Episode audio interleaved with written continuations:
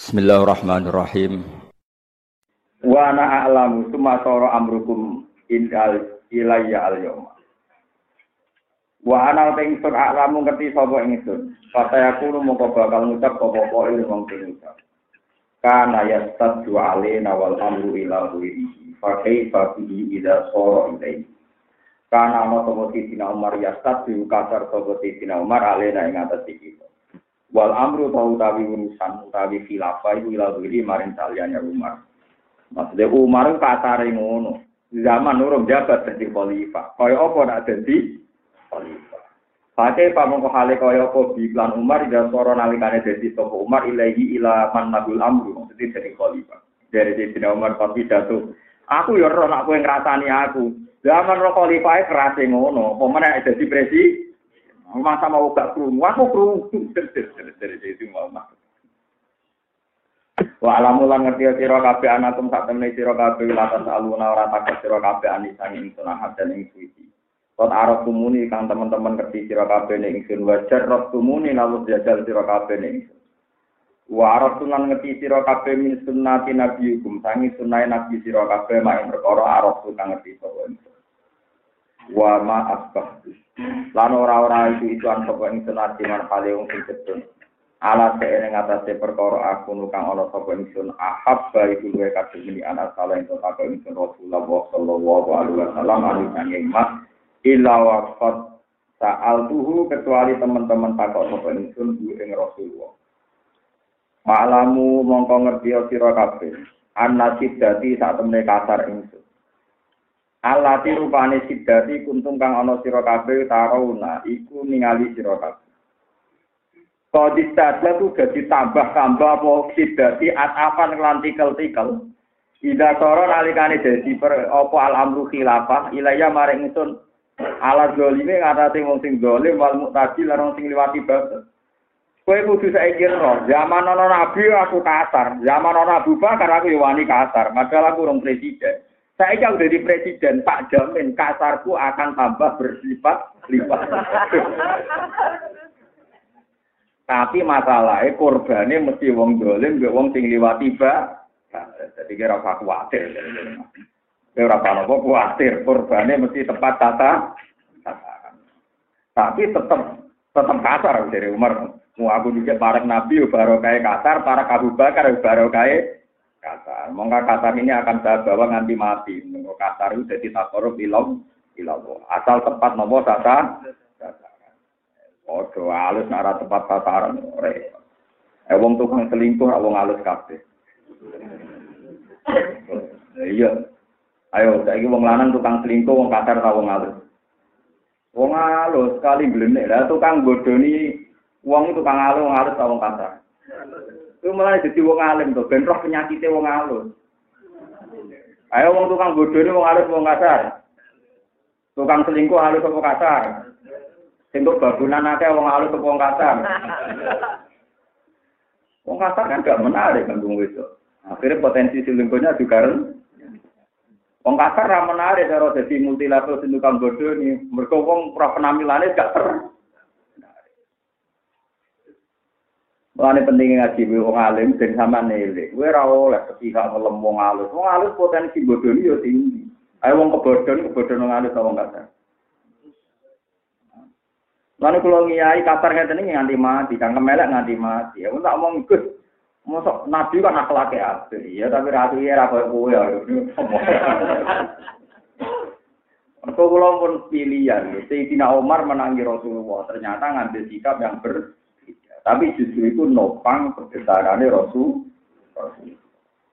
Itu dia kata lu sing ora tepat yo. Yang tukang rayu wong wedok ora Tukang bodoh ini sing jadi no berlipat-lipat wong nopo. Tapi kelakuannya juga apa? Atau kasar terang-terangan. Walau sepuluh waduh. Duit tok ini. Yang jenengan pikir, orang masuk akal. Kita percaya suwargo tapi kok percaya dewe aneh. Dari suwargo itu larang kan wong sing gak uang. Ini agak bayari larang gak bisa. Aku repot. Dari profesional, profesional dia, profesional ikhlas ya rasa butuh duit biasa lah. Tapi sekolah nanti ini, kalau nanti ditanya teman saya, Pak jenengan kan biasa punya gaji tetap di Jogja. Lalu kalau boyong di rumah itu gimana cara mengatur ekonomi? Yo, gaji saya setelah saya di rumah itu malah tinggi. Kenapa?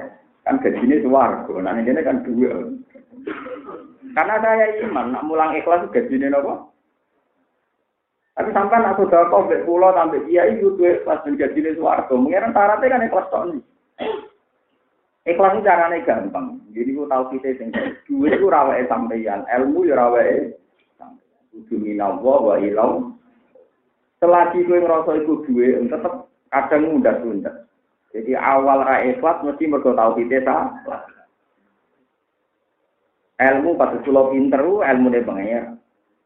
Aku agar udah-udah berarti ngosok ilmu ku. Tapi nak aku ilmu dari pangeran, terus pangeran sing mutus. Bukan ini kau laku hak ulang. Yang aku ilmuku, neng wilayahku, neng negaraku, neng otoritasku. Apa apa repot? Iya, ngeramal duit. Akhirnya ini, gitu gusti. Nah contoh orang prospek, yo, nah contoh orang prospek. Terus, Ya, tapi tetap tamikna apa? Tapi nak aku merasa ilmu itu waktu, tetap kadang-kadang udah tunda. Sama sama sodako nak ngambil duit itu duit, tetap kadang-kadang udah. Nah, misalnya kepeksa ini kita warai cara ikhlas. Misalnya kepeksa kau ngambil duit itu duit, ini Dawi Imam Ghazali, kalau buatan buatan gawe-gawe. nganggep iku sedekah kang gawe dhewe. Kaya dewe pangeran man amila solihan salimah. Saiki misale rukin di dhuwit 5 juta, dikekna aku. Sing tok ganjaran rukin nopo 10. Kan rukin kan. Berarti rukin ngekeki 5 juta, ngekeki kula apa ngekeki awake dhewe? Ngekeki awake Paham ya, tak lape sampean. Cak anakku ora iso ikhlas nanan sing menisan egois. Nggih, sing menisan apa? Egois. Egois misale ngekeki iki 2 juta. Aja kayak tuku awam dewi tongkon rokok. Berarti kan gak eman karena beli diri kan. Itu nama man amila solihan. Palinah kowe ngamal soleh sing untung ya awakmu. Tapi nak kowe dhe perasaan nguntung nang sing kei, engko ora tak kei dhuwit ora iso blonjo piye iku. Engko ora tak kei dhuwit ya itu ora iso. Ya mesti kowe iso udah tunda kan. Tapi nak kowe tuku untuk diri sendiri kalau kowe numpak pesawat. Kehilangan piro juta tapi kowe ora rasane numpak pesawat kan kira iso udah tunda. Eh pramugari, oh aku ora numpak pesawat kira mangan kan ora iso. Mergo kowe ngrasakno numpak Lihat anggap aja ngono itu. Itu solusi ini Imam Ghazali. Jadi jika Anda masih merasa uang itu milik kamu, ilmu itu milik kamu, lakukan sodako. Dengan niat itu beli diri kamu dari neraka. Lalu ketika Nabi, belilah dirimu dari neraka meskipun biril pisatin. Senajan to mau nganggo tampil wedhus. Wong Arab lucu, saking biasane lomo. Sikil wedhus sitok cara doa aja Dari Nabi ketika kok senajan. Senajan cara Jawa yo kakar nih. Asli ku lucu. Muni senajan tapi cek kirtana saat apa? Cara Jawa cek mayar. Paham ya, di pulau suwon ikhlas itu nggak Carane ngelatih ikhlas niku tau titip ben. Juga dia wae pangeran, ilmu dia wae napa? Pangeran. Sing mbok ulang yo kawulane. Misalnya kasus rukene senajan to kriting ora takoni pangeran, hak cara kowe rukene kawulane sapa? Nggih kawulane jenengan. Berarti bergantung be aku. Nak ngono ya wong terhormat mergo piye wae kawula, kowe kawulaku tak kei ilmu. Mulang kawulaku sing ora duwe ilmu. Ya sudah, enggak ada masalah. Itu kan sisi topi pengiran. Kan wong tak tegir kowe ngalim bahaya kudu hormat. Tapi hormat wong ora duwe ngono ae biasa wae. Ya wis ngono ae kan enggak selesai kan? Enggak ada apa mas? Engko swargane ya padha. Lalu swarga ora padha, eh wong alim swarga kelas A. Lah terus ana pengumuman meneh, sing seneng wong alim mau wong alim. Waduh. Ketemu meneh. Wah, lara-lara.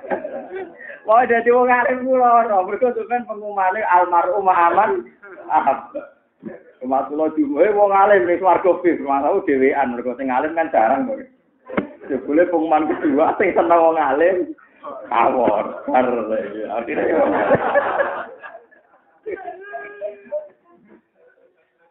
Nggih, jadi kurase pangeran ngoten.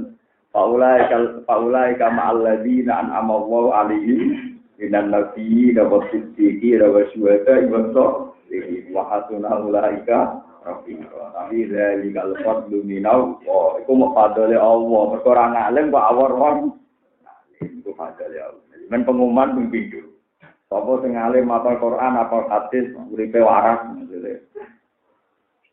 Mesti swarga pis. Dari kono pengumuman sing seneng wong alim, awor wis ketemu nek. Tapi mestine ya padha ya, dhisik tak dalem tetep ae tak dalem. Dhisik anak buah tetep napa? Bodune ya padha. Wah, anak setingkat ya rugi tenan.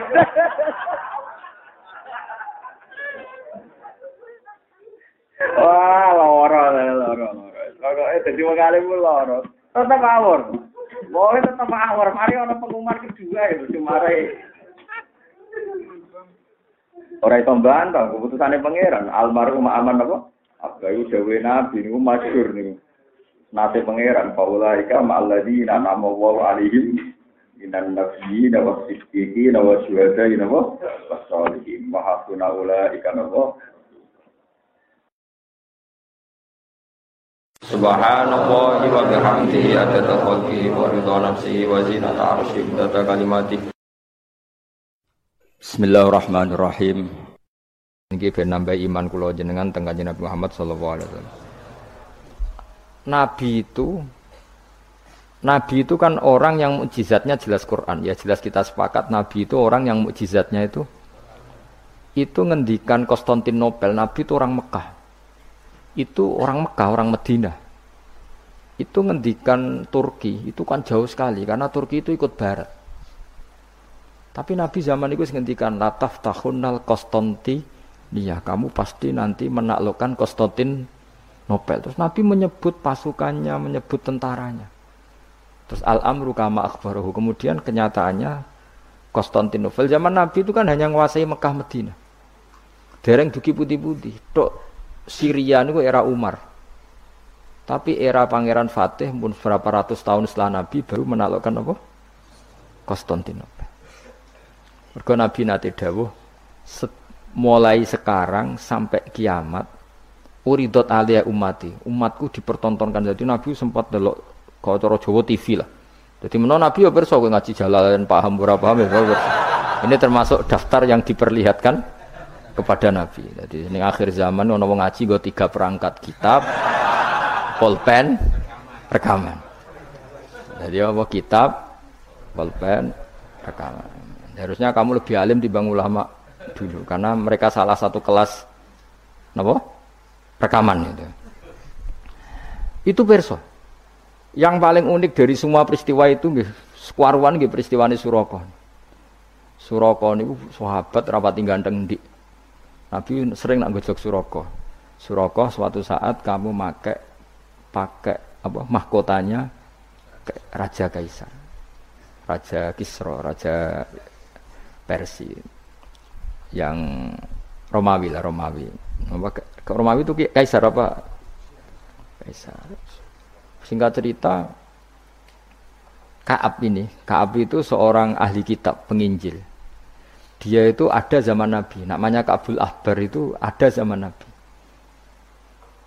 Makanya di Dibak sering ada Al Hadis Susani An Yasar bin Atok An Kabil Ahbar. Nabi lahirnya di Mekah sudah benar, hijrah ke Medina sudah benar. Tapi Kaab itu masih gak mau iman karena dia baca di Taurat itu ada kata-kata wasultanu bisam. Pusat pemerintahannya itu jadi pusat pemerintahan Islam itu di Sam. Karena Nabi wafat itu sebelum ada pusat pemerintahan di Sam. Sam itu ya Syria, Lebanon, Israel. Bareng era Sayyidina Umar, Sam itu ditaklukkan Umar. Terus akhirnya sebagian pemerintahan itu pusatnya di Sam, terutama era Muawiyah. Terus Nabi itu gojlok kalau ketemu Suroko gojlok. Suatu saat kamu itu pakai pakai bahasa Arabnya itu pakai pakai mahkotanya Raja Romawi. Singkat cerita dia ikut perang. Nabi pun wafat. Ikut perang, lala rojone keplayu. Mahkotane ceblok. Lala sing nemu iku tinggu. Ya ora pantes wong ndek maksudnya. Digojlok oleh sahabat-sahabat. Setelah dipakai, didelok sahabat digojlok mergo elek rapas. Terus dikonyoplok Mbak Umar. Itu harus kamu copot dan nanti mau diletakkan dikasihkan ke Baitul Mal. Nanti uangnya dibagi. Masyur terus rokok protes, bukankah Rasulullah ngendikan di depan umum bahwa yang pakai ini saya. Jawab Umar, Inna maqala laka Rasulullah lital bisaha walam yakul litam likaha. Nabi hanya ngendikan kamu nanti yang make. Nabi tidak ngendikan kamu yang punya. Terus dicoplok. Lu bisa kamu bayangkan. Kejadian itu puluhan tahun setelah Nabi wafat, tapi Nabi ngendikan itu detek. Yang mengalahkan itu Umar. Nanti yang pakai mahkotanya itu Coba misalnya saya ngomong kue, Jibril Surakoh mati sedurungi peristiwa itu. Kacau kan? Atau Umar meninggal sebelum penaklukan ini? Nabi itu ngedikan tuh detek. Jadi Nabi ya perso, aku iso ben ngaji jalalen terus paham ra paham guyu perso kabeh. Nah, begitu juga penelitian keilmuan sekarang itu banyak yang mengarah mendukung makna-makna Quran. Meskipun kita tidak tahu detailnya, misalnya dulu ya, misalnya antara laut, air tawar dan air asin, benahuma layak ya. Terus kemudian orang bilang barzah itu membran atau apa atau apa saja lah. Yang jelas itu ada pemisah, namanya apa? Barzah antara laut asin dan laut apa? Tawar. Begitu juga misalnya awalam yaro anas samawati wal ardo kana tarotkan fafatak nahuma waja'alna minal ma'i kulla Jadi dulu bumi itu ya satu pulau, kemudian pisah-pisah, kemudian terus. Ya sudah ada yang jadi laut tadi terus. Itu teori keilmuan itu sama bahwa dulu misalnya Jawa sama Madu, Jawa sama Sumatera itu satu bumi satu pulau kemudian dipisah. Pertama roton roton itu gandet fafatak nah kemudian tak bisa ya makanya Allah sudah ngendikan wala ta'lamunna naba'ahu ba'dahin kamu akan tahu cerita kebenaran Quran ini tunggu saja setelah ini Nah kemudian hanya ulama yang mengatakan yaumal kiamat, tapi itu lagi-lagi itu tidak Quran. Quran hanya ngendikan ba'dahin. Yang yaumal kiamat itu ngendikane ngendikane ulama. Makanya kita harus paling gampang tuh hadis. Us jelas tuh hadis. Bagaimana hadis tentang sosial. Suatu saat akan datang zaman kolilin ulama uhu tapi kasirin. Wah, itu ratri mau bener bener banget ya. Yang ulamanya sedikit, tukang khutbah, ya. tukang pidato itu maksudnya. Wagai surat mau bener bener banget.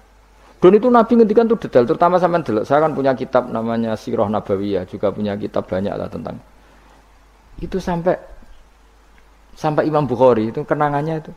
Imam Bukhari yang meriwayatkan hadis waktu saat kamu membuka Konstantinopel itu masih Kristen. Semua Konstantinopel rawinya itu ya nggak ngerti, pokoknya ngomong aja sanate ngono mendingan. kok ilah kapan bos, pokoknya sanate ngono.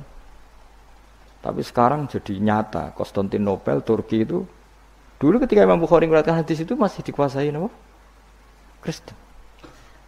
Tapi Nabi nguntikan detail delok tentang Bukhari, kitab alamatin nubuah. Oh, itu detail sekali. Innakum sataftahuna misro, kada sataftahuna itu sampai Padahal Nabi buatan menangi terbukanya Irak, terbukanya beberapa negara Nabi buatan menangi, Pak. Tapi zaman Nabi ketika itu detail. Sataftahuna qaisar fala qaisar ba'da wa saftafahuna rumfal itu detail. Sampai ya tadi sedetail nanti yang pakai mahkotanya itu kamu. Suraka. terus setelah nyata maksudnya nyata itu ya emang bener-bener sing nemu itu. Suraka yo ora Ya, karena Nabi nanti ngendikan uridot ale umat itu jadi semua yang akan terjadi la yaumil kiamah itu pernah uridot namun dipertontonkan diperlihatkan ning Nabi Muhammad sallallahu alaihi wasallam terus dihentikan. Makanya saya jamin asal riwayat itu sahihah, saya ulang lagi asal riwayat itu sahihah dan benar nisbat itu ke Nabi pasti akan terjadi sesuai dawai kanjeng Nabi Muhammad sallallahu alaihi wasallam. Dan kalau ada yang tanya, tapi saya pernah baca hadis ini kok nyatanya nggak terjadi itu berarti ada masalah di riwayatnya apa? Ada masalah di riwayatnya. Tapi kalau asal hadis itu sahih, ulang lagi apa? Itu pasti akan kejadiannya seperti itu.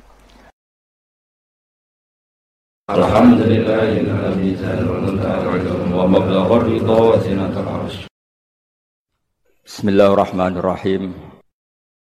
Ini badhe kula terangaken masalah-masalah kebenaran yang malah menjadi tragis untuk agama. Kesalehan-kesalehan yang justru menjadi tragis bagi napa? Agama. Niku zaman Rasulullah disebut kaum Khawarij. Tiang-tiang Khawarij itu soleh, soleh kok. Sedina sedinane mau terus Quran tok salat tok. Wes terus Quran salat, terus Quran salat. Wes pokoke ora tau ora salah. Darani wong zina ya kafir, darani maling ya kafir, darani koruptor gitu kok. Kafir. Kok dekne ku soleh. Ibadah wajib, soleh ibadah napa? Sunat. Tapi dari kanji Nabi soleh yang model ini wajib diperangi. Mana ngeron kiai soleh nemen-nemen itu malah salah. Karena apa? Ini bahaya bagi agama. Soleh nak berlebihan itu bahaya bagi apa? Agama. Sama tak cerita nih. Kelompok Khawarij itu lahir yang teridentifikasi oleh sejarah dan sudah diramalkan oleh Rasulullah. Niku zaman Ali. Dan yang paling banyak mendapat khitab tentang Khawarij adalah Sinten Sayyidina Ketika Ali perang dengan Muawiyah dan karena perang maka saling bunuh, saling tikam, saling menghujat. Orang-orang soleh itu risi. Roh Ali yo risi. Jarene pemimpin Islam, tokoh kok penggaweane perang ngrasani wong tukaran. Roh Muawiyah yo risi. Jare wong soleh pemimpin kok perang ngrasani. Artinya dia terus merasa paling soleh dibanding Ali dibanding Nawa Muawiyah. Kene darane Ali yo gento, darane Muawiyah ngene apa? Gento. Darane Ali yo kafir, darane Muawiyah. Akhirnya kelompok ini meyakini bunuh Ali ya ibadah, bunuh Muawiyah ya? Ibadah. Akhirnya kelompok ini orang-orang soleh yang keluar dari tatanan Ali juga keluar dari tatanan Muawiyah. Walhasil akhirnya bikin gerakan untuk anti Ali untuk Muawiyah. Bahkan ketika Sayyidina Ali kirim pasukan ke mereka, sedang deres Quran. Kau urip-urip buat deres Quran, poso, tahajud, enggak pernah salah. Tapi kaji Nabi, makanya ini aja sampai salah paham. Dipeseni, Ali dipeseni, nak ono kelompok ngono kon merangi. Sause iko mati hujah, sause mendapat penjel, penjelasan. Iya ampun nganti salah paham. Sampai salah paham rokok tenan. Betul nih malah. Ini masalah paling sensitif dalam sejarah Islam. Mergo ngadepi podo-podo wong Islam, bahkan wong Islam soleh. Jadi kita ngadepi wong nopo soleh. Kenapa kok ada sini menjadi bahaya? Karena kesalehan yang tidak punya perhitungan. Jadi soleh tapi goblok.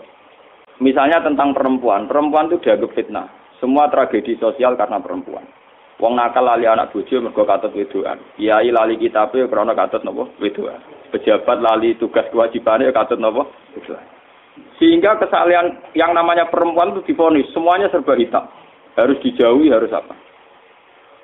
Tapi yang dia tidak menyadari, kesalahan ini tanpa perhitungan. Ketika wong soleh menjauhi perempuan, ini artinya perempuan didekati wong dolim. Dan produksinya mesti produksi wong dolim. Misalnya kok Mustafa soleh, bojo mau sitok, orang arah wani nambah. Anak mau loro. Artinya mau Mustafa ini soleh, mau ngelahirin wong soleh loro. Sementara wong dolim produksi kedoliman besar-besar. Neng dalan-dalan rabi, ini dalan-dalan di anak. Lewat bojone, selingkuhane, perkosaane. Berarti produksi dolim jauh lebih cep cepat. Produksi dolim cepat, produksi soleh lambat. Paham? Mulane wong kok janggal poligami ora pati ulama. Kena soal rawani wedi bojo jujur wae. Tapi ora usah ngait-ngait non agama salah dalam konsep poligami. Mergo produksi dolim mesti cepet. Jajal wong dolim sitok nyelingkuhi wong pira. Paham ya? Hasil selingkuhan di anak, hasil bojo sing nganggo surat nikah di anak, hasil perkosaan di anak. Produksi kedoliman yang cepet. Produksi soleh lambat di anak loro serai iso ngeki mangan. Paham ya? Artinya andekan kesalehan ini terus main pukul rata menjauhi perempuan karena ada fitnah, ada masalah. Toh wong dolim tidak menjauhi perempuan, maka rahim perempuan hanya melahirkan produksi kedolim. Begitu juga menyangkut harta. Wong kudu adoh duwe, adoh macam-macam. Sing suga wong dolim, mergo ora menghindari harta. Sing soleh kuwere. Sing dolim dhe karyawan wakeh. Bisa gawe kelompok niklap, kelompok macam-macam kelabing, kelompok senam sing aneh-aneh. Sing soleh kuwere, kok gawe kelompok, ngripi awake dhewe mengkat, mungkin. Paham? Sehingga kesalahan anti harta punya akibat begini, nanti ke depan punya akibat. Begitu juga menyangkut pangkat. Sing dolim kompetisi kepengen jabat, akhirnya jadi bupati, wakil bupati DPR. Sing soleh malam belesek. Ketua RTW apa aja. Paham? Ah, padahal dalam undang-undang tentu yang menentukan yang punya otoritas, yang di otoritas dolim kah? Kabeh akhirnya pornografi gak kriminal, semua kesalahan gak kriminal. Sing soleh belwet mau RT ora payu. Delik ning gunung wis wae wong, gasap dene moh ora pusing. Nah, kesalahan khawarij itu nanti punya akibat demikian. Andikan ditoleransi punya akibat demikian. Maka Nabi pesan yang Ali, orang itu harus kamu lawan. Bahaya bagi agama. Kelompok kesalahan sampai men, apa ya menghancurkan sendi-sendi kehidupan itu harus dibunuh. Karena bahaya bagi agama. Kesalahan tapi bikin kekacau. Nah itu khawarij. Pulau berkali-kali istikharah. Kenapa seorang rasul yang terhormat? Ya, kenapa seorang rasul yang terhormat oleh Allah Subhanahu wa taala disifati resmi? Di sori hil alfat ya dalam teori usul fikih kalau sore itu layak balul mafhum. Harus difahami demikian. Artinya tidak mungkin salah karena lafadznya nopo eksplisit. Nopo so sore wama arsalna qabla kaminal mursalina illa innahum layak kulu ta'ama wa yamshuna fil aswaq saya tidak pernah ngutus seorang rasul kecuali punya tradisi ya doyan sego. Layak kuluna tamu ya doyan mangan. Wayam sunafil aswa seneng melaku-melaku yang pasar. Paham? Wayam sunafil aswa maknanya seneng melaku-melaku teng apa? Kulo berkali-kali ngaji teng sarang, padahal sarang daerah basisnya pesantren. Saya itu ngomong bahwa seorang ulama itu wajib kadang-kadang jalan-jalan di pasar, neng terminal, ini jalan-jalan, sing wong akeh. Kenapa? Karena kalau seorang ulama, seorang nabi, seorang wali, orang-orang soleh itu tidak mengakui proses sosial yang bernama transaksi itu akan bahaya bagi agama. Dia akan bahaya bagi sekarang tidak ada kriminalitas pencurian, penggarongan, penyabutan, pengemplangan dan sebagainya itu baru kayak pasar. Karena pasar ini masih sesuai fitrah Allah illati fatarana sanapa alih di mana manusia ingin memiliki sesuatu harus lewat transaksi. Nah, kepengen untuk gedang goreng kudu tuku lewat transaksi. Kepengen untuk gula ya harus tuku lewat transaksi. Ingin memiliki sesuatu juga harus beli lewat transaksi. Dengan demikian ada ketertiban umum. Lah, memiliki sesuatu ingin lewat transaksi itu fitrah Allah, sunnah manusia. Karena mereka risih dengan yang namanya maling, garong, jambret. Coba kalau tidak ada pasar, orang ingin mendapat sesuatu lewat garong, lewat menjahat dan sebagainya, maka dunia akan kacau. Dan tugas seorang rasul adalah mengakui proses fitrah, proses kultur manusia yang sudah benar, yaitu ingin memiliki sesuatu lewat trans, lewat transaksi. Karena ini menjadi stabil, negara menjadi stabil, komunitas menjadi stabil. Sebab itu Allah dawa wa akhallahu bi'a wa karromat Allah sangat menganjurkan yang namanya B transaksi. Itu orang memiliki sesuatu lewat apa? Transaksi. Kenapa Rasul sampai didesain sedemikian oleh Allah Subhanahu wa taala? Kalau ndak, nanti agama dikira hanya urusan etikaf, urusan tahajud, urusan qiyamul urusan puasa sun. Padahal ciri utama agama adalah satu ibadah mahdoh, ada sholat, sujud. Nomor dua muamalat, ibadah sosial. Dan muamalat ini tertib karena orang kalau memiliki sesuatu ingin lewat transaksi, bukan jalan pintas nyolong atau enggak. Nah, Proses agama yang kedua ini diakui oleh para rasul lewat mereka itu ya gelem dagang di pasar. Semua nabi punya sejarah sebagai pedagang. Nak sing ora dadi pedagang kayak wali-wali abdal, sementing seneng ning pasar. Mulane kula bolak-balik, kula teng sarang wani matur, nek ana kitab kok nerangno ning pasar gugur muruk aku sing aran rapati ngalim, mesti rapati ngalim. Keliru. Wong ayate sore kok ditentang, kecuali ayate mabum lho. Wayam sunafil asfak ayate napa? Sorry. Dalam semua tradisi keulamaan tentang ayat sorry itu tidak bisa. Kalau mabum mungkin yang mabum salah, tapi kalau sorry tidak bisa. Bayam sunan apa? Sampai tak cerita nih. Kaji Nabi itu pernah ditanya. Umumnya Nabi itu kalau ditanya amal paling baik itu apa kan buat dijawab tahajud, buat sunat, buat nanti ketika ditanya jawab kasbur rojul dia di ikhtiar terbaik itu apa ya Rasulullah? Ayul kasbi atyab qol amalur rajuli biyadihi wa kullu bi'in mabrur.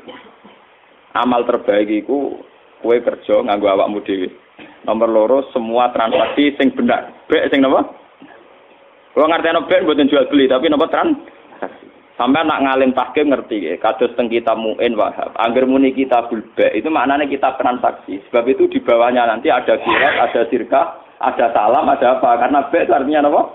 Transaksi. Jadi B buatan jual beli faktor, tapi artinya transaksi. Makanya kalau di kitab-kitab fikih, kitabul muamalat dimulai kitabul B. Nanti di bawahnya ada ada kordu, ada sirkah, ada kirot, ada macam-macam.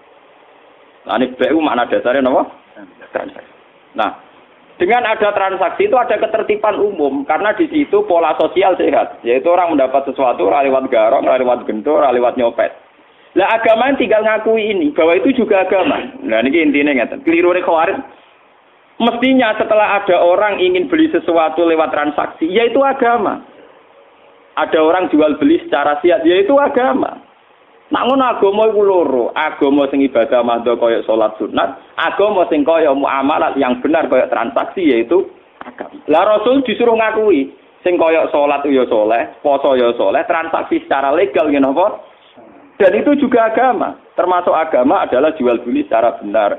Golek nafkah anak istri juga termasuk agama. Imatatul ada anitorik juga termasuk agama. Semua kebaikan agama. Kata Nabi, wa kullu ma'rufin juga agama. Semua kebaikan namanya apa? Agama.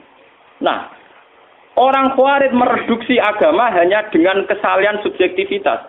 Misalnya dia itikaf di masjid. Ono wong moro pasar, wong kok kedonyan, akhirate kapan? Paham? Ono wong waji istiqosan. Kok ono wong transaksi ning gone alun-alun. Oleh ibadah kapan men mergawe rina wong kedo gedung. Sehingga nanti agama ini tercerabut dari hukum sosial. Dan itu bahaya bagi agama. Bahaya apa? Bagi agama. Nah, wong khawarij ini dari Nabi kon merangi karena bahaya yaitu mereduksi agama hanya untuk urusan ibadah mah. Jadi kesalehan-kesalehan yang over itu akan bahaya bagi agama.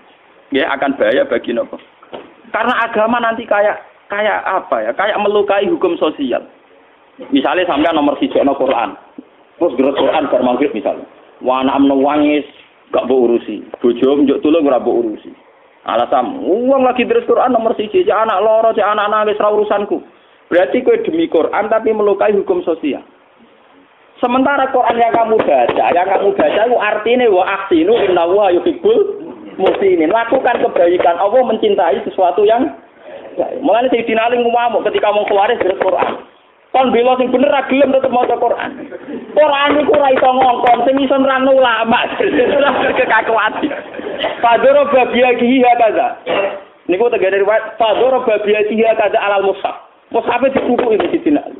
Lah iya Quran sing kok waca iku ngongkon kowe nulung wah. Lo iya kan lucu toh, misalnya sama dari anak-anak nangis, perkara juk susu apa.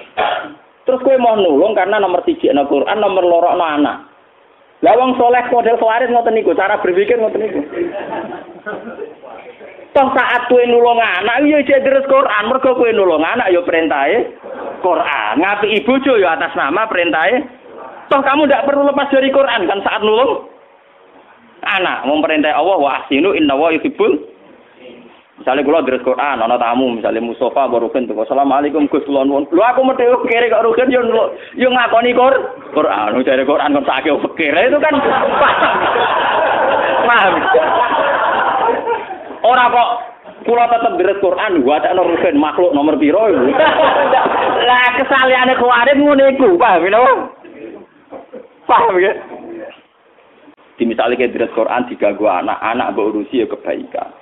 Lalu ketika Nabi, kue nak sholat jadi imam sing cepet. Perhitungan Nabi, fa inna fihim ad-dha'ifa wadzal hajat. Wa kana Rasulullah idza shalla fasami abuka asobi khaffafa sholat sholat. Lalu kanjeng Nabi kan ada di sholat jadi imam sing cepet. Iku ning gurimu ana wong lemah, ana wong sing duwe kepenti.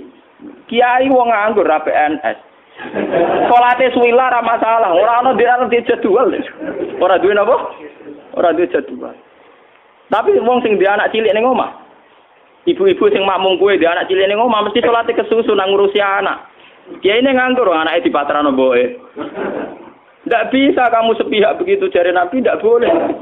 Sholat kudu standar dengan mempertimbangkan wazal hajat. Dan Nabi ketika sholat kok ngucap cilik nangis. Dan beliau sadar ibunya karena ikut jamaah. Jamaah itu khaffafa sholatan. Nabi mempercepat sholat. Jangan sampai dikira sholat ini problem bagi anak. anak.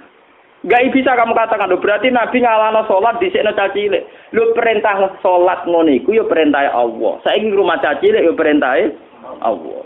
Berarti Nabi tidak ada masalah ketika sholat ya tadi fi amrillah, ketika sekarang ngurus caci juga fi am fi amril. Jika agama selalu menang. Satu kiai kok kulon malah ngerasa menang terus. Gus gak nasi ngaji kok ngerasa menang lho. Seneng pasar itu tak anggap nglakoni sunnatullah. Seneng terminal tak anggap nglakoni perintah Allah. Jadi karena jadi supir tak anggap melakukan perintah. Karena itu sedang dalam tolabul halal. Paham ya? Terus tinggi ben sampean ngerti. Kesalahan model khawar itu bahaya. Mereka gak dipikir. Subhanallah wa bihamdihi adada khalqihi wa ridha nafsihi wa zinata arsyih data kalimati. Bismillahirrahmanirrahim. Dengan tradisi jamaah berarti kefiah atau cara sholat itu permanen.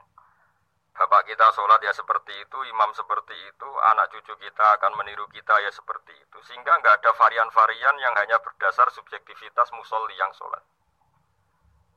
Taruh saja kita misalnya jadi seorang sufi yang baru takut sama Allah atau baru usul kalau dalam bahasa sufi.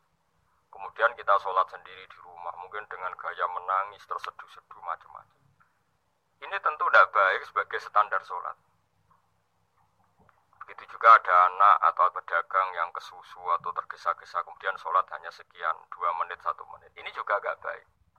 Meskipun itu boleh dilakukan individu-individu. Tapi kalau dalam sholat jamaah, orang harus manut imam.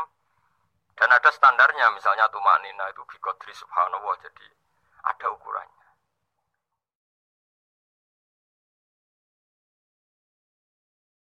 Bismillahirrahmanirrahim. Alhamdulillahirrahmanirrahim. Alladzina yu'minuna bil ghaibi.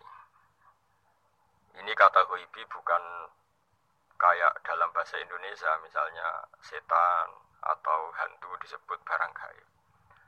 Kata ghaibi dalam bahasa Arab adalah perbandingan atau lawan kata dari al-musyahad yang bisa disaksikan langsung lewat indera. Kita orang mukmin iman bahwa surga ada, padahal kita tidak pernah melihat surga. Kita mukmin iman bahwa neraka ada, padahal kita belum pernah melihat neraka. Ini sesuatu yang maghoba anil absor, yang mata kita tidak melihat, fisik kita tidak menyentuh. Kita pun iman. Asal sesuatu itu mansus ya, dikatakan secara eksplisit oleh Quran dan hadis. Kalau dalam bahasa usul fikih disebut al-mansus. Ciri mukmin di antaranya adalah yang paling pokok alladzina yu'minuna bil ghaibi. Iman dengan sesuatu yang enggak kelihatan. Lalu kemudian para ulama cara pandang beda-beda. Bedanya bukan karena mereka bertentangan enggak, tapi ini menurut menurut kelas kelas rasa yang berbeda-beda. Bagi orang-orang sufi ya, Allah itu tidak bisa dikatakan al-ghaib, sesuatu yang enggak kelihatan. Karena Allah itu begitu jelas, az-zahir. Kata orang sufi, Allah itu zahir. Begitu juga dalam Asma'ul Husna disebut Allah itu az-zahir. Begitu jelas. Karena orang yang akalnya mapan, hatinya mapan, melihat satu lemari yang bagus, pasti langsung mensifati bahwa pembuatnya adalah orang yang hebat. Orang yang melihat mobil mewah atau pesawat yang canggih, pasti kepikiran pertama adalah pasti pembuatnya canggih. Sehingga eksistensi pembuat pesawat itu adalah orang hebat. Itu langsung tertanam ketika melihat pesawat itu hebat. Bagaimana mungkin seseorang ragu akan kehebatan pembuat pesawat ketika melihat detail-detail pesawat? Pasti langsung kepikiran kalau pembuatnya itu hebat. Memutuskan bahwa pembuat pesawat hebat itu tidak harus ketemu yang membuat, juga tidak harus melihat. Tapi akal kita pasti meyakini pembuatnya itu hebat. Berarti keputusan menyimpulkan bahwa pembuatnya hebat adalah az-zahir begitu jelas.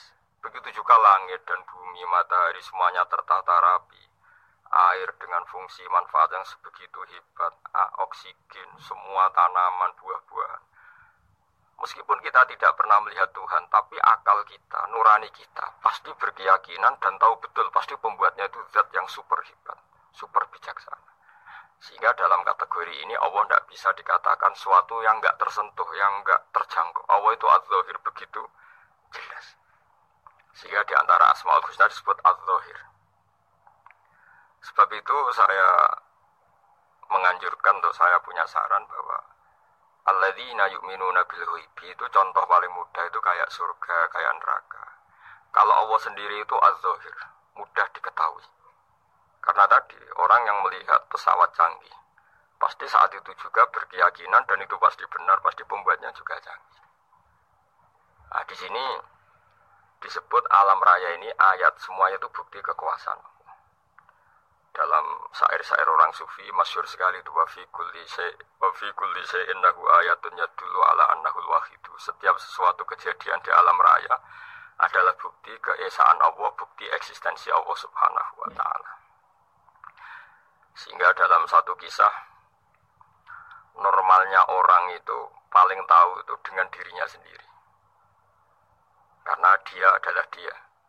Tapi kalau Imam Sibawe seorang pakar nahu mengatakan a'raful ma'arif Allah. Di alam raya ini yang paling mudah dikenali itu ya Allah, pencipta. Karena andai kan kita sendirian di hutan, kemudian kita mulai punya akal. Kita mungkin tidak tahu diri kita ini siapa. Tapi setidaknya kita langsung menyimpulkan bahwa kita tidak bisa menciptakan diri kita sendiri. Ketika kita berkesimpulan tidak bisa menciptakan diri kita sendiri, pasti kita terus berkesimpulan ada di luar kita yang menciptakan kita. Nah, sebab itu kenapa sifat mencipta ini yang pertama kali dikenalkan oleh Allah kepada nabinya untuk dikenalkan kepada umatnya. Itu disebut Iqra bismi rabbikal khalaq. Muhammad bacalah dengan nama Tuhanmu. Sifat Tuhan yang paling mudah dikenali oleh siapa pun adalah sifat pencipta. Karena ketika seseorang yakin dia ada, dia lahir sudah ada bumi, dia lahir sudah ada langit, dia pasti akan tahu bahwa dia ada penciptanya. Sehingga paling mudah mensifati Allah atau mensifati Tuhan adalah Bismi Rabbikal khalaq. Terus kemudian di antara ciri orang baik adalah wa yuqimuna sholat. Kemudian beriman kepada yang gaib menegakkan sholat. Kata menegakkan adalah dari kata menjaga menjaga aturan-aturan atau sesuai aturan-aturan salat. Kita tahu dalam salat ini ada beberapa syarat yang harus dipenuhi. Misalnya harus wudhu, harus suci di tempat yang suci. Terus ada syarat-syarat dalam internal sholat dia harus baca fatihah, harus tumak ninah, macam-macam. Itu eksistensi apa? E, definisi sholat. Kemudian kata berdiri juga diartikan para ulama. Eksistensi sholat harus diketahui secara publik, secara sosial. Karena sesuatu itu punya eksistensi kalau jadi konsensus atau diakui oleh publik. Di sini agama mewajibkan sholat jamaah. Kata banyak ulama, jamaah itu fardu kifayah. Bahkan ada yang mengatakan fardu ain. Harus dijalankan orang banyak secara massal dan harus di tempat yang terbuka. Sehingga kata para ahli fikih, andekan ada orang jamaah di dalam rumah tidak diketahui oleh banyak orang belum mencukupi atau menggugurkan atau belum menggugurkan kewajiban jamaah. Sehingga eksistensi sholat harus diketahui secara publik. Sehingga dulu Rasulullah itu kalau sholat ya di masjid dan masjidnya terbuka. Sampai sekarang kita pun menyaksikan semua umat Islam kalau sholat di masjid yang terbuka. Sehingga dunia non muslim pun tahu bahwa dalam Islam ada ritual ya, ada ibadah yang bernama sholat. Hikmah kedua dengan cara terbuka seperti ini, sholat itu menjadi gak pernah rubah mulai zaman Nabi sampai kiamat. Dengan tradisi jamaah berarti kefiah atau cara sholat itu permanen. Bapak kita sholat ya seperti itu, imam seperti itu, anak cucu kita akan meniru kita ya seperti itu. Sehingga nggak ada varian-varian yang hanya berdasar subjektivitas musolli yang sholat. Taruh saja kita misalnya jadi seorang sufi yang baru takut sama Allah atau baru usul kalau dalam bahasa sufi. Kemudian kita sholat sendiri di rumah, mungkin dengan gaya menangis, terseduh-seduh macam-macam. Ini tentu tidak baik sebagai standar sholat. Begitu juga ada anak atau pedagang yang kesusu atau tergesa-gesa kemudian sholat hanya sekian, dua menit, satu menit. Ini juga agak baik. Meskipun itu boleh dilakukan individu-individu. Tapi kalau dalam sholat jamaah, orang harus manut imam, dan ada standarnya, misalnya tumanina itu bikodri subhanallah, jadi ada ukurannya. Ini penting saya utarakan bahwa hikmah jamaah itu bukan sekedar dapat pahala 27 kalau sendiri, dapat pahala satu tunda. Tapi ini menjaga eksistensi sholat supaya ya seperti ini terus sampai kiamat.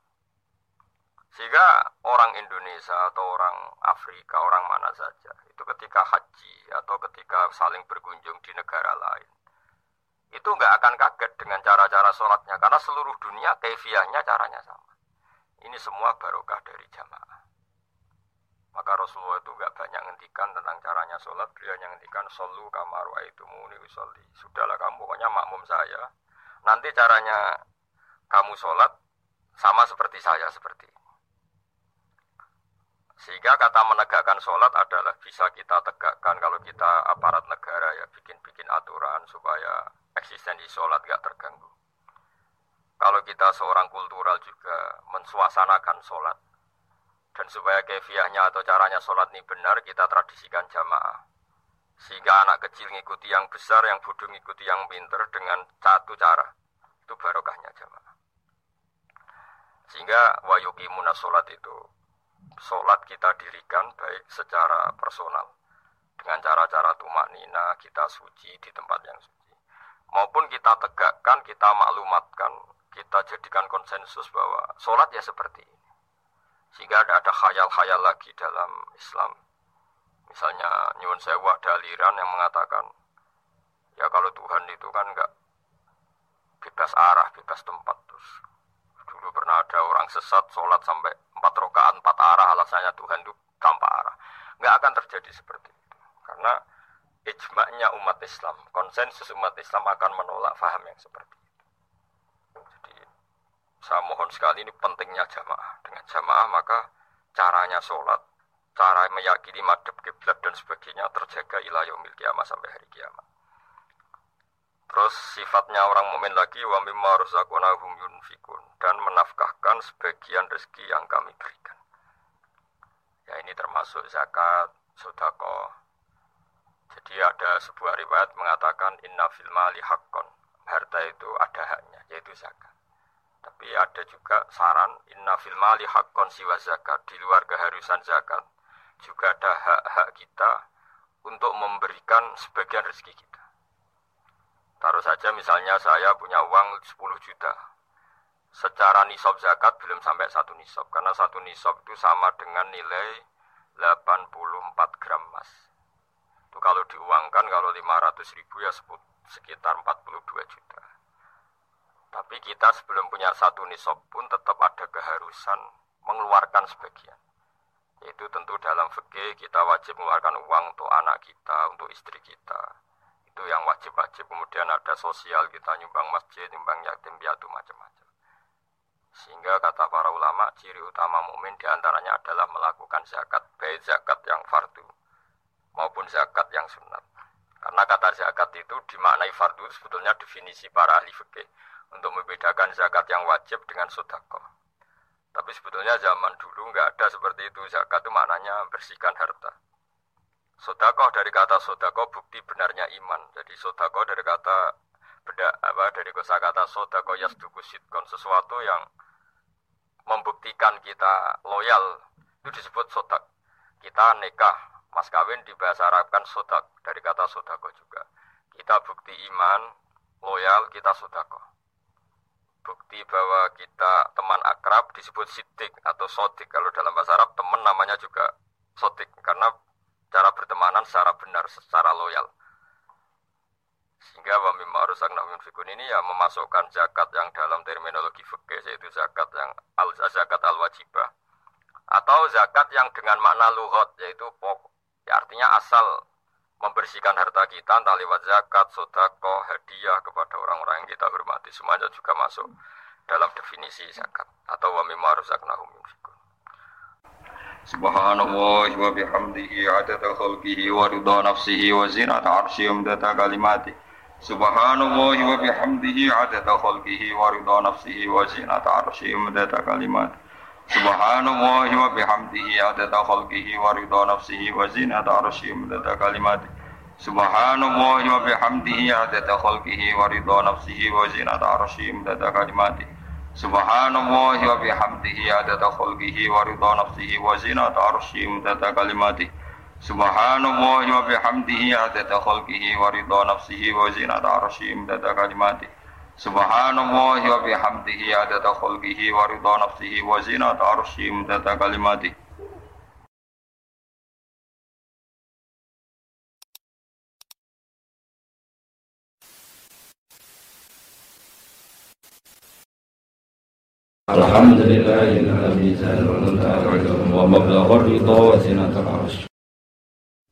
Bismillahirrahmanirrahim.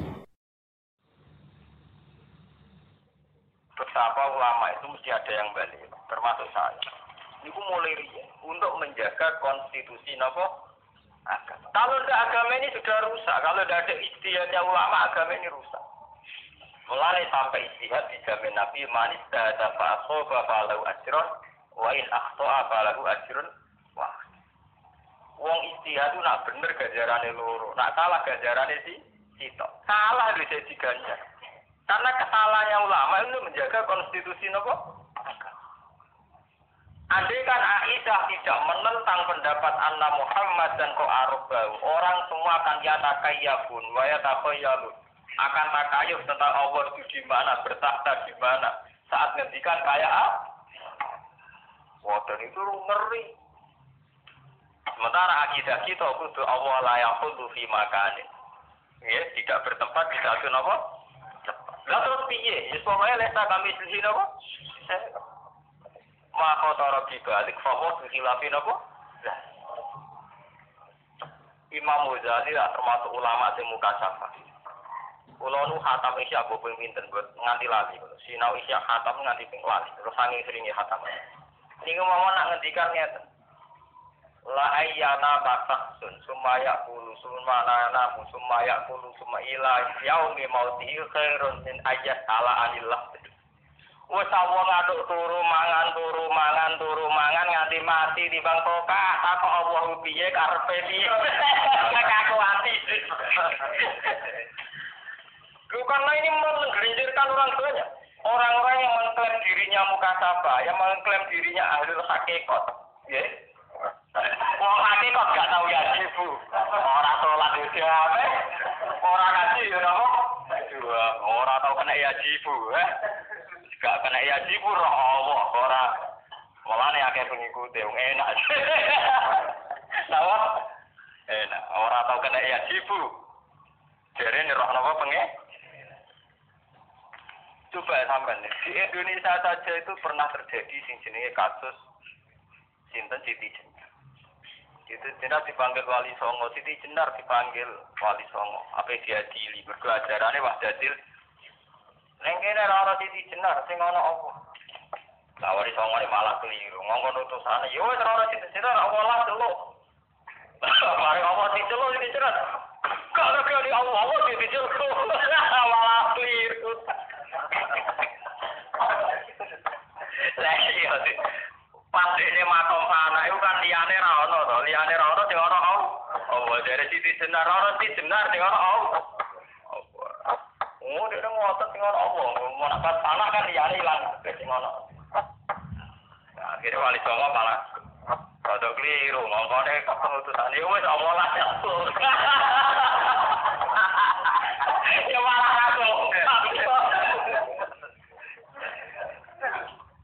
Akhirnya terjadi penghakiman syariat yang terjadi di Indonesia ini gua di tidak nar diadili wali dia datang Irak dan Timur Tengah zaman Husain al Halad diadili angkatan Imam Rozi. Nggih dipancung.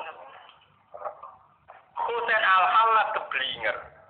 Jadi sederenge Siti Jenar wonten peristiwa teng dunya sinten Husain ah, Mulane teng manasib wonten komentar Abdul Qadir Asuro Husain al Halad asrotan walau kuntu fi la akhudtu biyadi. Husain al Halad bisa kepleset sayang rasa angkatan dia aku. Cara angkatan dia aku tak selamat no. Uh, terus wa analikul liman aso marfuhu min kulli muridiyya wa muhibbiyya ila yaumil qiyamah di akhudu biya di ulama asro hayat wa maita fa inna rumhi mansub. Tapi nak wong sing seneng aku nak kepleset tak selamat. Ate mau coba nakib kepleset terus. Mereka ora seneng Abdul Qadir, seneng dibari rezeki. Mulai Abdul Qadir ora iso daftar ini termasuk seneng dekne. Paham ya? Sing seneng si Abdul Qadir bisa amat to. Lah mana kiper pakai cepat tuh. Iku kepengen suge, ora seneng si Abdul Qadir. Si Abdul Qadir kan ngobokno keberatan. Iku seneng suge, ora melok-melok iku. Wong aku diangkat panitia kan juga ada ini.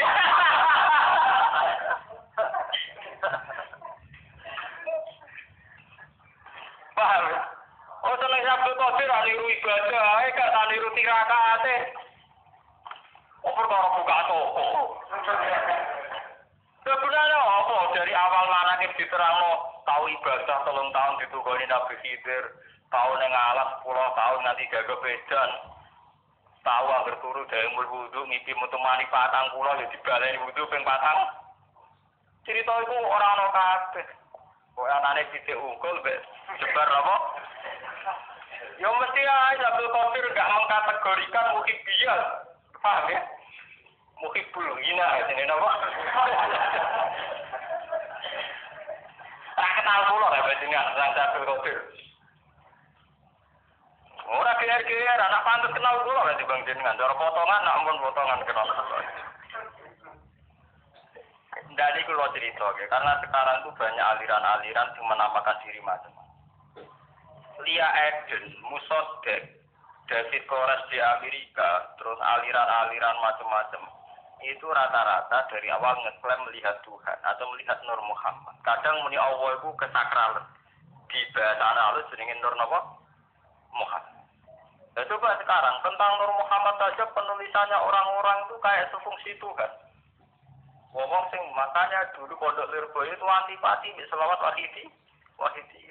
Wah ya dulu NU sampai fatwakan selawat wahidi itu haram. Padahal di sini selawat. Apa NU itu gedeng selawatan boten, tapi klaim-klaim yang terjadi karena akses atau dampak dari selawat nopo. Nah, selawat itu mesti apa, tapi terpada klaim-klaim roh Nur Muhammad, roh macam-macam itu. Paham ya? Akhirnya daripada ruwet ngoten, lisan dindaro eh kagum mazhabi Aisyah begak ruwet diharam. Tapi apa betul ulama mengharamkan sholawat itu betul mungkin? Wong sholawat kan apa? Kalau pas rame-rame ini, ku pas pasanan teng Lirboyo ini, kelas satu galali. Waduh, tiap pintu ning pondok Lirboyo ditulis. Harap santri Lirboyo membaca sholawat? Pak, jadi itu memang masalah-masalah yang kita harus tahu. Kabel tujuannya lisadid zaroe. Sesuatu yang rawan melebar ke mana-mana, baiknya ditutup diket. Termasuk cara ngeket adalah cara-cara yang kontroversial. Yaitu Aisyah, tak Aisyah kok yakin anna Muhammad kan lam yarorob. Wah, Muhammad gak roh pengiran. Wong sing darani Muhammad roh pangeran, fakot tak zoma ala wa iku dusta napa? Padahal kita ahli sunnah sampai sekarang yakin. Nah, Muhammad roh apa? Roh Saat ini rame seminar-seminar tentang masalah-masalah modern.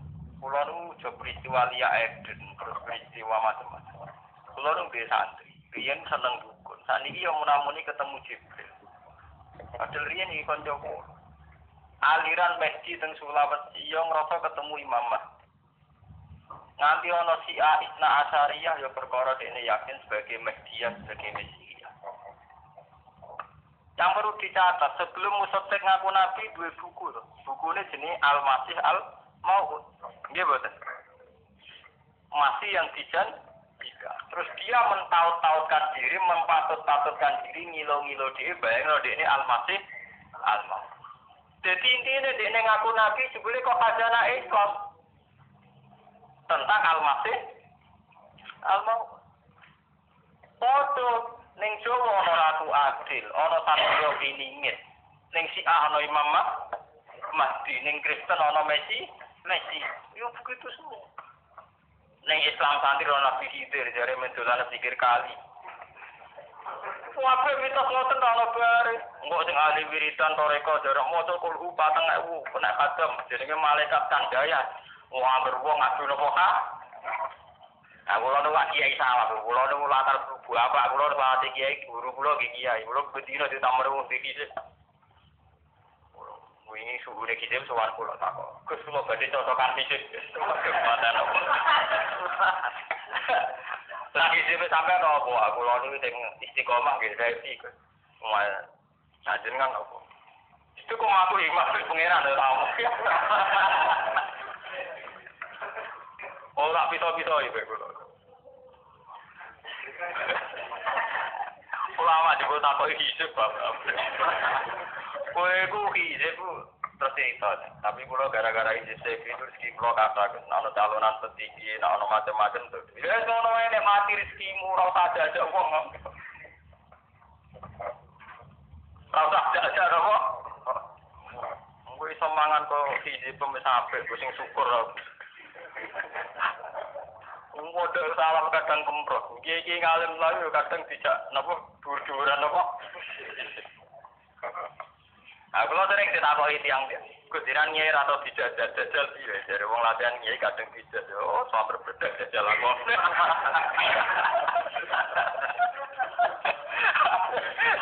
Tidak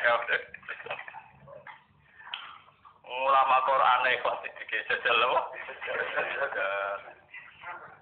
Lah gitu. Kiai rapati ngalim, pidato ning podium rong jam. Panitia kangelan di podium, kangelan nyangon. Iwe disangoni agel. Aku ngaji tenan ora podium. Oh, latihan ikhlas juara. Lari keluar pede. Oh, pede-pede iki iki kula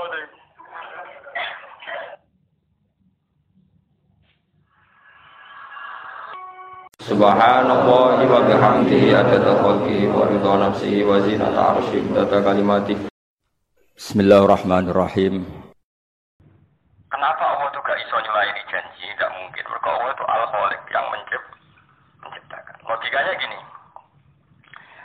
Misalnya saya berjanji, saya akan memecahkan gelas ini. Wes, mau pertunjukan, mau memecahkan gelas ini. Harusnya kan gampang. Gelas itu sesuatu yang mudah pecah. Apalagi saya membawa palu, mudah sekali memecahkan gelas dengan palu. Waya peta pecah, no, juga aku setruk. Atau gelas itu colong wongsi. Atau kalau ada puting beliung. Sing tukang sulapnya tiba, gelasnya mirip. Soalnya hasil. Jadi, artinya gini. Kuncinya Allah itu dijaya. Ranjulayani janji. Mereka Allah sing iso ngatur. Namun so niat niat ape, kadang ra iso ape, ora. Lah itu logika nih Quran itu ngoten. Jadi nak cara Quran ditakoki, kena Allah Allah kok perso. Ya mergo sing gawe. Nah manusia gak cara rugen tak takut. Kan kowe kok ora kita pura paling putih. Lah kula ndek mripat. Manusia ku goblok. Justru di mripat lu mari ora cara Quran. Tak warai utak bulat. Tapi iki bulat-bulat cerdas. Kowe nganti ra roh mergo nganggo mripat. Nek ora pede wae. Ya iki kalau jam iki mana boleh jawab. Eh tengkri tengkri? Irang kok jero. Ya ora ireng. Mergo mergo roh. Probleme roh iku nak ndekne wis ado utawa trahum. Iku terus karo. Nah cara Quran gak sing mari roh iku sing gawe. Sing mari roh iku Mulane ning Quran ana ayat ala ya'lamu man khalaqa. Ala ya'lamu ana ta ora roh sapa man wong khalaqa kang gawe sapa man. Angger wong sing gawe mesti Misalnya gini, saya ini desainer atau atau insinyur atau tukang batu sing gawe monas. Terus yang jero monas iku jerone tak gawe emas sak kilo. Bariku tak lipo tak tutup meneh. Terus aku saiki wis ning Jogja ning biduan ditakoki. Gus ning jero menara ning gone monas ana apa? Kono masih sak kilo ning kedalaman sekian meter sekian senti. Lah kono aku suka yang bodoh, gawe aku. Jadi sumari roh gawe. Walane Allah ngisnato ngerti mek gawe ala ya alamu man khalaqa. Ana to ora roh sapa sing gawe sing gawe kok. Wis ora ning kono lagi sik roh wong sing. Lah ora manggo mripat engko ketutupan. Karo. Utawa kowe saiki roh tapi ora sing gawe, tak akali misale rohen saiki roh. Nah ning jero kitab kuwi ono kertas, terus rohen bener roh. Ora wis mesti ning jero Gus Baik kitab ono kertas e. Mungkin dia rasa ngatur kertas itu tak cukup, tak bedoi. Ono kertas kan ono goblok tak cukup cukup. Lah masalahnya Allah ora bakal kebodohan ngene iku dekne sing gawe sing nentokno wong liya ora iso nguasai Allah dadi sekali ngetika juga mesti sesuai. Ngetikane. Lah nek wong janji wae ora mesti kesampaian. Kok pas sampai nepati janji, pas ada kondisi yang tidak memungkinkan. Makanya ini penting latihan logika Quran. Kuwi ojo kesuwen dadi wong bodoh dadi roh mergo apa? Mergo mripat iku amatir. Sadar roh iku mergo sing gawe. Dadi mulane Quran ngestabno ilmu be khalqu ala ya alamu man khalaqa. Ana ta ora ngerti sapa man wong khalaqa kang gawe sapa man. Jadi sing marai ngerti iku singgah. Ya, jadi mulai ono anekdot, anekdot, anekdot ya tenan, tapi iki tamparan bagi kita semua. Dono profesor terkenal cerdas, wis apa iso? Ditonggo iku ora profesor. Kepengin ngalahno profesor. Lah kok yo apa iso? Akhirnya balu diceluk. Ya bal bola diceluk, diceluk. Terus dipemi.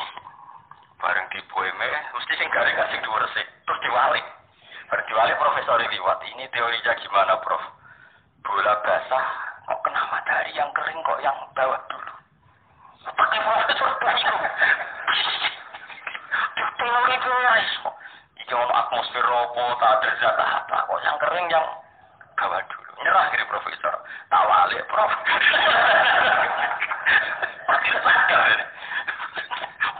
Semua itu teori ini bakal karpe Mungkin ada kelembaban di atas, di bawah, udaranya kering. Pokoknya karpe apa berteori semua macam-macam praktok. Kredit kandani, kalau walik. Mereka singgah. Kowe saiki kepengen alam soleh, yo mau kepengen tok. Nak wong gawe dolim be opo. Kowe mau angkel be wong fasik. Tapi nak wong ngersakno wong tobat tapi opo. Iku mulane sirine agama iku tawakal. Sampai nabi sing pun kanjeng nabi kekasih pangeran wae donga ya muqallibal qulub sabit qalbi ala sing roh sapa? Kebengi janji mak bojone harmonis iso pegatan sing roh sapa? Sing roh sapa Lane nek ngene bab tolak nganti ana aja geman megat bojo sing pengine dijima nak mani ku dadi hidaye pan panjang. Ngono dadi. Mergo ora ana sing Iki penting. Mulane kanjeng Nabi nate kaya apa senenge Nabi ning Abu Thalib wong pamane sing lindungi. Tapi cara zahir Abu Thalib nu cara zahir dereng iman. Kaya apa gedinge Nabi mek wahsi. Mergo sing mateni ahabban nas ila Rasulillah sing mateni Sayyid sinten Hamzah. Kaya apa? Tapi malah Allah ngekei hidayah sinten. Wah, mana orang ayat lain salah minal amri syai'un aw yatuba alaihi. Ora urusan mat soal hidayah itu urusan. Ada wong kaya apa soleh tetep kon donga ihdinas siratal mustaqim. Terus kon donga ya muqallibal qulub tabbit qalbi napa alati. Kowe oleh gedeng wong munafik. Macam munafik kumpulan. Tapi pangeran dawuh ngeten. Liyas ala sadiqina an sidqihim wa yu'adzibal munafiqina iku ayat insa aw yatuba. Kaya apa Allah kedinge wong munafik. Tapi Allah jangan ngendikan iso wae aku nyiso munafik. Insa anak pas aku karep. Tapi iso wae aw yatuba. Mulane wong alim mesti ngeper kon gedeng wong nemen-nemen ra iso. Angger gedeng wong nemen-nemen ra pati ngalim. Mergo ora ono ayat sosial sing Allah gak ngeper mesti ngeper. Ayo wa yu'adzibal munafiqina in sa'a au yatub. Jika iso wae wong munafik sing gedingi mesti disiksa Allah. Jare sapa ya in sa'a wong ngersakno, tapi iso wae sing dikersakno to. Tobat. Ini penting kalau atur. Jadi Nah kenapa Allah bisa gitu? Karena dia yang menciptakan. Sementara kita menuruti gedeng. Sing iso ngatur dunia sapa? Nah, terus wong alim-alim gak disikap jelas. Malah dinyak wong Islam nyaran. Gak tegas. Gimana ini? Masalah sosial gak tegas. Kon tegas piye ngene ngajine khatam kira khatam. Dalam banyak hal kita tidak mungkin tegas karena masalah-masalah hati itu piye oleh menegas. Wis saiki seneng aku kan sesuk iso wae ora. Sampeyan seneng meneh ora meneh kumat-kumatan. Bengi istighfar nangis, berisuwe wis jelalatan meneh. Berdelok wedok wayu istighfar nangis. Lu berwiridan malah melite. Ada dari Imam Ghazali wonten cerita ngeten. Beliau termasuk perawi riwayat innalil ilmi tuhyanan katuhyanil matras. Beliau mengkiaskan innalil ibadah ya tuhyanan katuhyanil mat. Kue jajal wis. Kue tahajud terus nganti rong minggu. Poso terus nganti rong minggu. Sawangane ngongkon wong terus berhak mergo kowe soleh kono soleh. Tapi kadang ono wong ora soleh, iku malah senengane ngitmai wong soleh mergo ngrasa nakal dadi kepengin ngitmai wong soleh. Tapi kan ngrasa soleh kok berhak ngongkon wong liya lu dari ibadah mergo pangeran wis iki mbok mlete-mletenan anggere wong ketidan ditingi kok. Jadi makanya ibadah itu punya tuhyanan, punya keangkuhan sendiri. Ilmu juga begitu, punya keangkuhan. Misalnya kalau ada kalau jajan beruhin, kalau kecelok wong alim guru nih. Nah ruhin nyulayani aku, nanti wong nyalon, bocah dikongkon guru kok. Tapi nak punya nyulayani ruhin, semuanya kan tas itu, betul nopo-nopo. Artinya kealiman saya ini mengesahkan aku nyulayani. Janji dong kelakuan kok ngono. Nah innalil ilmi tuhyanan katuhyanil ilmu itu punya keangkuhan, punya kelajutan. Kau yang lajut wong sing nah, Itu tuh mulai wong alim-alim tertutup, jarang ngomong santri ini. Kalau alumni atau ngatur-ngatur, mereka khawatir tuhyan. Kau nak ngatur wong ora nuruti terus tersing, tersinggung. Tapi nanti ini diaturi rasito, mau sepurane jeng yo rasito kulo beres. Ini kan keangkuhan. Ibadah ya sama. Jajal gue nara khutbah kan biasa dulu. Jajal gue sing khotib. Gak ngagani wong ono khutbah dulu. Tapi ini gue pas posisi mustama ya kok. Tuh, kelakuan kok ngono. Nah, makanya wa innalil mali tuhyanan katuhyanil mal. El innalil ilmi tuhyanan katuhyanil mal. Mengenai terus Allah supaya kawulane sing soleh-soleh ora sombong diajak,